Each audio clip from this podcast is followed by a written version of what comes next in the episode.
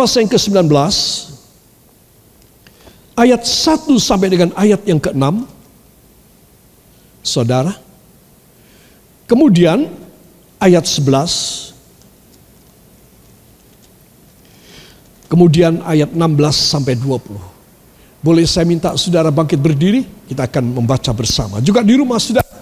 Ya, duduk terlalu lama tidak bagus. Keluaran 19 ayat 1 sampai 6. Kita mulai dari judulnya. Siap? Satu, dua. Tuhan menampakkan diri di Gunung Sinai. Pada bulan ketiga setelah orang Israel keluar dari tanah Mesir, mereka tiba di padang gurun Sinai pada hari itu juga. Setelah mereka berangkat dari Rafidim, tibalah mereka di padang gurun Sinai. Lalu mereka berkemah di padang gurun. Orang Israel berkemah di sana di depan gunung itu. Lalu naiklah Musa menghadap Tuhan dan Tuhan berseru dari gunung itu kepadanya, "Beginilah kau katakan kepada keturunan Yakob dan kau beritakan kepada orang Israel, kamu sendiri telah melihat apa yang kulakukan kepada orang Mesir dan bagaimana aku telah mendukung kamu di atas sayap Raja Wali dan membawa kamu kepadaku. Jadi sekarang jika kamu sungguh-sungguh mendengarkan firmanku dan berpegang pada perjanjianku, maka kamu akan menjadi harta kesayanganku sendiri dari antara segala bangsa, sebab akulah yang empunya seluruh bumi. Kamu akan menjadi bagiku kerajaan imam dan bangsa yang kudus Inilah semuanya firman yang harus kau katakan kepada orang Israel. Ayat 11. Menjelang hari ketiga, mereka harus bersiap sebab pada hari ketiga Tuhan turun di depan mata seluruh bangsa itu di gunung Sinai 16 dan terjadilah pada hari ketiga pada waktu terbit fajar ada guru dan kilat dan awan padat di atas gunung dan dan bunyi sangkakala yang sangat keras sehingga gemetarlah seluruh bangsa yang ada di perkemahan. Lalu Musa membawa bangsa itu keluar dari perkemahan untuk menjumpai Allah dan berdirilah mereka pada kaki gunung. Gunung Sinai ditutupi seluruhnya dengan asap karena Tuhan turun ke atasnya dalam api. Asapnya membubung seperti asap dari dapur dan seluruh gunung itu gemetar sangat. Bunyi sangkakala kian lama kian keras berbicaralah Musa. Lalu Allah menjawabnya dalam gurun. Lalu turunlah Tuhan ke atas gunung Sinai ke atas puncak gunung itu. Maka Tuhan memanggil Musa ke puncak gunung itu dan naiklah Musa ke atas. Amin. Terima kasih. Silakan duduk kembali. Para kekasih, kita melihat dalam pembacaan yang cukup panjang ini, perhatikan. Saudara, setelah tiga bulan persis jadi kalau mereka keluar dari Ramses, ibu kota Mesir pada waktu itu, katakan pada tanggal 11, maka pada bulan, tiga bulan kemudian tanggal 11, pada hari itu juga mereka tiba di kaki gunung Sinai. Lihat, zaman dulu tidak ada GPS. Zaman dulu tidak bisa diperkirakan. Berapa kecepatan orang-orang ini berjalan, ada yang tua, ada yang muda, ada yang anak kecil, hewan-hewan. Saudara Tuhan itu membuat tepat sekali tiga bulan. Ini ajaib, ini ajaib. Dari sini saya sudah geleng kepala. Saudara, kalau saya mau menjelaskan ini ada satu dua khotbah lagi yang beda. Saudara perhatikan. Dan habis itu, ketika mereka sudah tiba di kaki gunung Sinai, Tuhan bilang, kalian harus kasih pagar Tidak boleh ada seorang pun dan hewan berani naik ke atas gunung karena dia akan jatuh mati dihukum oleh Allah. Karena gunung ini aku akan bertakhta di atasnya di puncaknya dan gunung ini menjadi suci seluruhnya. Coba. Tuhan mulai menunjukkan dia punya kekudusan pada benda yang mati, pada benda yang najis, yang kotor, gunung. Saudara. Dan dia kalau dia bertakhta di sana, maka itu tempat menjadi kudus. Ingatkah saudara ketika Musa mau menghampiri semak belukar yang berapi tapi tidak terbakar?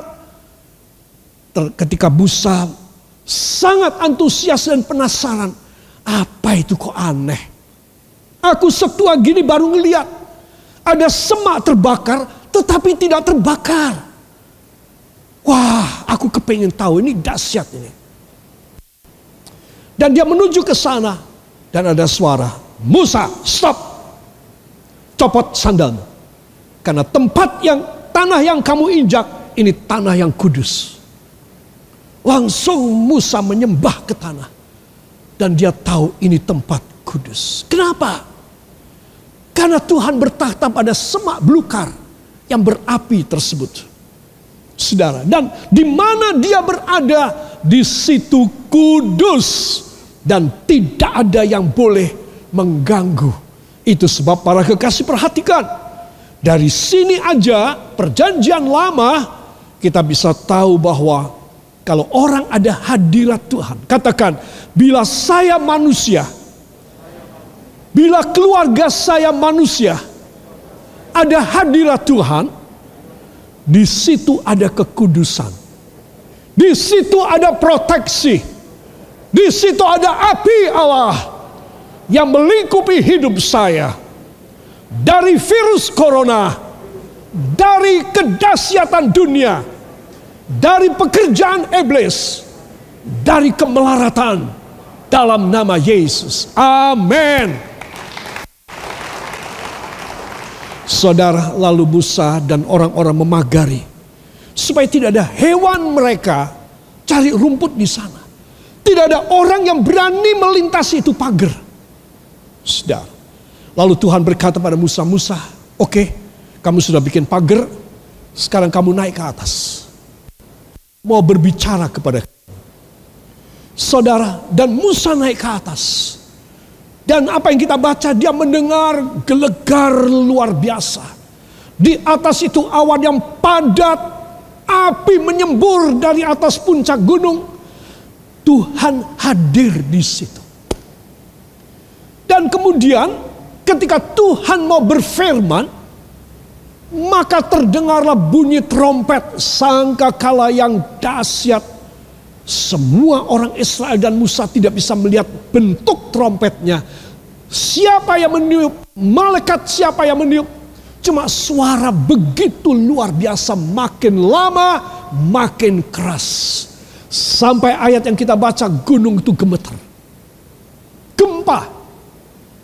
Karena suara nafir ini. Lalu Tuhan berfirman. Saudara, ketika Tuhan berfirman, semua orang bisa mendengar.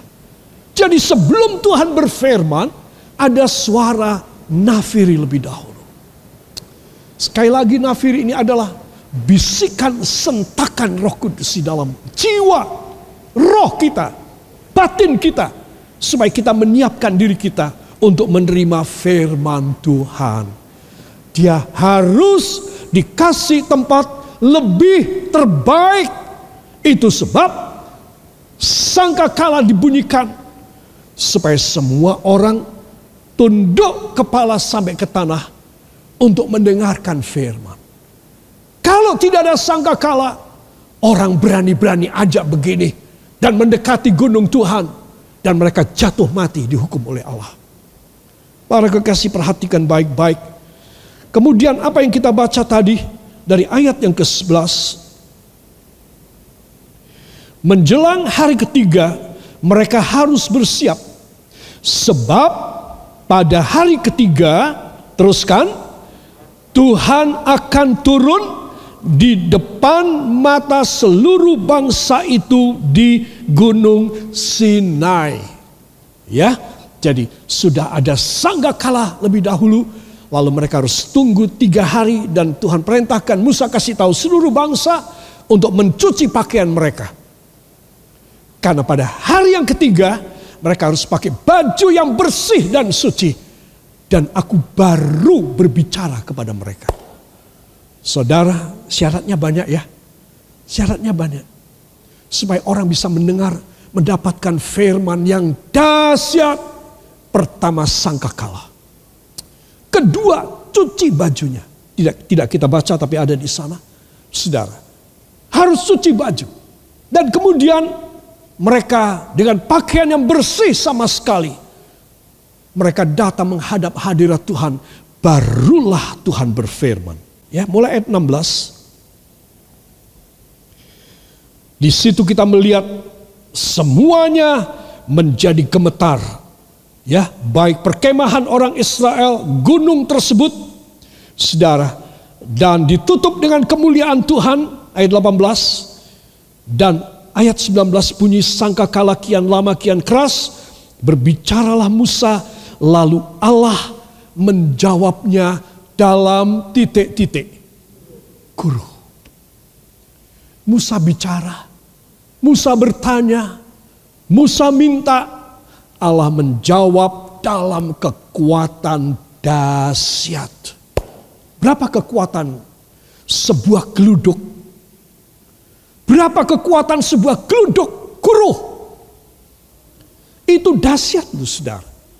Kalau sebuah kapal terbang, sebuah pesawat yang sudah dilengkapi dengan kurungan Faraday, yaitu satu aksioma bahwa pesawat itu harus double dua, kulitnya badannya harus double dua, harus ada rongga supaya kalau dia disambar petir atau guru, orang di dalamnya tidak mati kena listrik. Saudara, sekalipun demikian kalau sudah melewati awan, apalagi ada guru, bisa jatuh itu pesawat. Sudah. Jadi tenaga kekuatannya bisa orang biasa manusia minta berdoa. Kalau Tuhan menjawab bukan kapasitas orang yang dia jawabkan. Bukan kebutuhan orang yang dia berikan. Tetapi kapasitas Allah. Katakan, bila saya berdoa, pastinya jawaban lebih banyak, lebih dahsyat dari apa yang saya mohon.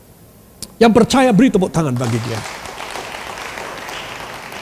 Saudara dan di sini kita melihat bahwa hasil daripada bunyi sangkakala tersebut, saudara, Tuhan turun ke atas gunung Sinai ayat 20. Ke atas puncak gunung itu maka Tuhan memanggil Musa ke puncak gunung. Ya ampun Musa, ora kobong kue. Saudara, dia naik. Satu-satunya manusia yang pernah mengicipi api Tuhan. Wow. Dahsyat ya. Orang apa ini? Orang yang hatinya paling lembut di dunia semua katakan, bila saya ingin menjumpai Tuhan, saya harus minta agar hati saya dilembutkan, tidak boleh keras dalam nama Yesus. Amin. Jadi saudara harus minta. Seringkali kita tidak bisa dikabulkan karena kita datang dengan hati yang keras tidak seperti Musa. Musa hatinya lembut sekali. Alkitab mencatat bahwa dari seluruh manusia di bumi tidak ada yang lebih sabar dan lebih lembut hatinya perempuan sekalipun ketimbang Musa. Jadi saudara mesti tahu ini orang luar biasa. Katakan orang yang lembut hatinya luar biasa di mata Allah. Para kekasih sering kali saya dan saudara bertanya pada diri, kenapa ya aku tidak bisa menerima berkat? Kenapa ya aku tidak bisa langgeng diberkati? Kenapa aku tidak ada kuasa, tidak ada hadirat Tuhan? Kenapa aku merasa lonely? Kenapa aku merasa gagal? Kenapa aku tidak hidup senang? Saudara, minta satu rahasia Musa. Hati yang lembut. Hati yang mudah dijamah. Hati yang mudah hancur di hadapan hadirat Allah. Bila saya dan Anda mengubah kekerasan hati kita menjadi lembut, dihancurin semua batu karang, semua kotoran, semua mineral, semua metal di dalam hidup kita. Dan kalau kita mau datang dengan hati yang lembut, Tuhan menjawab dengan guru. Dia menjawab dahsyat. Itu sebab penting sekali seorang anak Tuhan dia harus memiliki di dalam hidupnya satu pendekatan pribadi dengan Kristus. Supaya apa? Supaya hidupnya boleh menerima jawaban dahsyat. Ya mau beri tepuk tangan yang baik bagi dia. Haleluya. Dari sini saya perlu menjelentrehkan. I have to describe so clearly about this team, about the trumpet of God. That the trumpet of God, we have to hear before, firstly, before the words of God will answer us with the mighty and awesome power and authority of God. If not, we cannot get all the answer of God, miracles and wondrous things. Itu sebab Anda dan saya harus tahu rahasianya. Katakan, rahasianya firman bagi saya. Satu, saya harus memiliki hati yang lembut. Dua, saya harus menghampiri Allah dalam kekudusan tanpa kekudusan, manusia tidak bisa melihat Allah. Abis saya, abis engkau. Itu sebab hanya orang yang hidup dalam kekudusan boleh menghadap hadirat Tuhan dan menerima mujizat di dalam hidupnya. Kalau dia berkata dengan bahasa manusia, dengan kebutuhan manusia, Allah menjawab dengan guru, beledek, petir, dan segala kilat yang sambar menyambar dan memberikan mujizat di dalam hidupnya. Itu sebab hanya dua syarat. Satu lembut. Seperti Musa. Dua perintah Tuhan. Cuci baju. Tidak boleh ada yang menjamah tanahnya gunung ini. Jamah tanahnya pun tidak boleh. Wow. Kayak apa ini? Karena Tuhan menunjukkan Aku maha kudus. Aku tidak bisa dijamah dengan kenajisan manusia. Sebab Anda dan saya harus tahu. Pelajaran perjanjian lama ini sangat dalam. Kalau kita bisa mengetahui perjanjian lama. Perjanjian baru ini tinggal kita terima aja. Perkara-perkara yang dahsyat. Jawaban guru, geluduk, petir dan kilat. Yang Tuhan akan beri secara ajaib di dalam hidup saudara. Para kekasih, the seven trumpets atau tujuh sangkakala Allah, tahankah? Ya sekali lagi, periodisasinya saya tidak tahu. Ya pembagian waktunya saya sama sekali tidak kepengen tahu. Yang saya perlu mengajar Anda, sangkakala ketujuh, engkau ada di sana engkau dan saya mendengar nama kita. Bila kita sudah meninggal, no problem. Para kekasih, itu sebab tahankah tujuh sangkakala Allah. Trompet yang pertama, segala hijau-hijauan dan sepertiga tanaman di seluruh dunia terbakar. Sampai sekarang, di daerah Michigan, di United States, di Amerika Serikat, belum bisa dipadamkan kebakaran hutannya. Konon dalam sejarah Amerika Serikat belum pernah terjadi kebak kebakaran hutan sebegini dahsyat. Sudah ratusan yang meninggal karena panas. Gak kena apinya, panasnya. Perubahan suhu yang hebat. Itu terdapat dalam Wahyu fase ke-8 ayat yang ke-7. Trompet yang kedua sepertiga lautan menjadi darah dan sepertiga jumlah kapal dan semua makhluk hidup di dalam samudra akan hancur dan mati dan bau bangkai di seluruh dunia. Wah, kayak apa ya? Indonesia ini negara kepulauan. 13 ribu pulau. Sudah. Dan kita hidup dikelilingi oleh lautan. Sepertiga habit, sepertiga binatang makhluk di laut sepertiga jumlah kapal, kapal selam, kapal tanker, kapal pesiar, kapal nelayan akan dihancurkan oleh Allah. Trompet ketiga, sepertiga dari semua sumber air, to, mata air, danau, ya sungai, ini selain samudra ya, selain laut, sepertiganya akan menjadi pahit. Trompet yang keempat, sepertiga dari jumlah matahari. Kita tahu cuma ada satu matahari di sini. Ya, pengetahuan kita masih sangat tertutup. Kalau saudara belajar lagi, maka saudara tahu bahwa di seluruh alam semesta ada miliaran matahari. Matahari itu miliaran jumlahnya.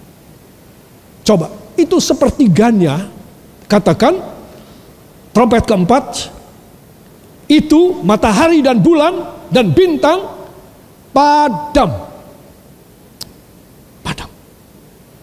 Kedinginan luar biasa semua orang saudara sampai begini.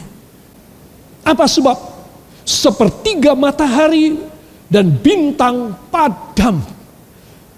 Wah, tumbukan terjadi di alam semesta karena energi planet itu dari apinya, dari kebakarannya. Kalau itu padam, saudara maka planet ini jatuh kayak balon gembos, ketusuk, maka dia kempes jatuh. Saling bertubruan. Kiranya kita tidak mengalami Kiranya Tuhan menyelamatkan kita pada waktu itu. Karena ini kegoncangan alam semesta yang maha dahsyat. Trompet kelima, belalang memakan semuanya di seluruh dunia. Saudara, karena belalang ini adalah tentara dari kuasa antikristus. Jadi belalang belalang. Tetapi belalang ini tidak bisa disemprot, tidak bisa apalagi cuma dikasih ya obat nyamuk yang melungker-melungker itu. Oh, ora iso. Dibom dengan pestisida tidak bisa mati. Belalang ini sakti sekali. Badannya mungkin setengah metal, saudara. Tidak bisa mati. Dan dia bisa menyengat orang Belalang tidak pernah menyengat sampai orang itu bisa mati, tidak ada. Belalang yang ini ketika trompet kelima dibunyikan, dahsyat. Trompet yang keenam, maka terjadi satu peperangan. Saudara kan, 200 juta tentara akan bertempur di sebuah medan peperangan yang bernama Armageddon di Israel. Dahsyat sekali. Saudara, semua katakan tetapi saya hanya menantikan nafir yang ketujuh. Eh tangannya. Tetapi saya hanya menantikan nafir yang ketujuh. Dalam nama Yesus.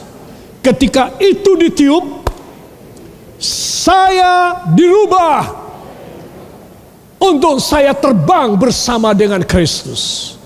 Masuk dalam sorga. Amin. Semua katakan, jadi dari nafiri pertama sampai nafiri keenam, saya tidak boleh khawatir. Karena dari nafiri pertama sampai yang keenam, saya ada dalam proteksi ilahi. Supaya ketika nafir yang ketujuh, saya tetap bugar. Atau bila saya meninggal, saya dibangkitkan. Yang merasa happy beri tepuk tangan yang meriah bagi dia. Haleluya. Para kekasih itu sebab saya ingin tutup di sini. Dan ini satu pelajaran penting sekali. Antara sangkakala ke-6 dan ke-7 ada sesuatu peristiwa dahsyat sekali.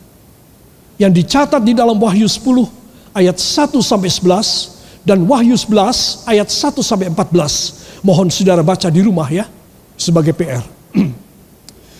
Apakah dia? Satu, muncullah seorang malaikat yang kuat. Katakan malaikat yang super kuat. Ya. Yang memegang sebuah gulungan kitab kecil. Gulungan kitab. Aduh saya tadi itu membuat satu gulungan kertas yang kecil untuk tunjukkan sama saudara. Kira-kira begitu. Gulungan kitab firman yang kecil. Dan kemudian suara Roh Kudus kepada Yohanes di Pulau Patmos, Yohanes, kamu datang kepada malaikat yang super kuat dan minta itu gulungan kitab kamu minta kamu makan. Yohanes melakukan. Dia datang kepada malaikat ini dan berkata, malaikat berikan itu gulungan untuk aku makan. Makanlah. Dimakan oleh Yohanes, saudara. Dan di mulutnya dia merasakan manis sekali. Senang apa tidak? Saudara makan manis suka apa tidak? Ya. Walaupun kali ini, walaupun umpamanya Yohanes ini ada diabetes, tapi dia merasa enak sekali, manisnya luar biasa. Dia menelan. Ketika dia menelan, menjadi pahit di perutnya. Biar firman ini boleh menggerakkan hati kita masih ingat tadi yang saya katakan, Musa berdoa dengan bahasa dan kemampuan manusia. Tetapi kalau Tuhan menjawab dengan guru, dengan apa? Guru. Guru itu beledek, petir, kilat, geluduk. Berapa ton kekuatannya per sentimeter atau per inci persegi. Dahsyat sekali. Sudah, itu sebab Anda dan saya kita manusia yang lemah. Bila kita hidup berkenan, katakan bila saya hidup berkenan, berhati lembut, hidup dalam kebenaran dan kekudusan, niscaya semua doa saya Tuhan menjawab dengan dahsyat. Guru, petir dan kilat, dan geluduk akan terjadi pada saya. Sangat luar biasa. Dalam nama Yesus. Amin.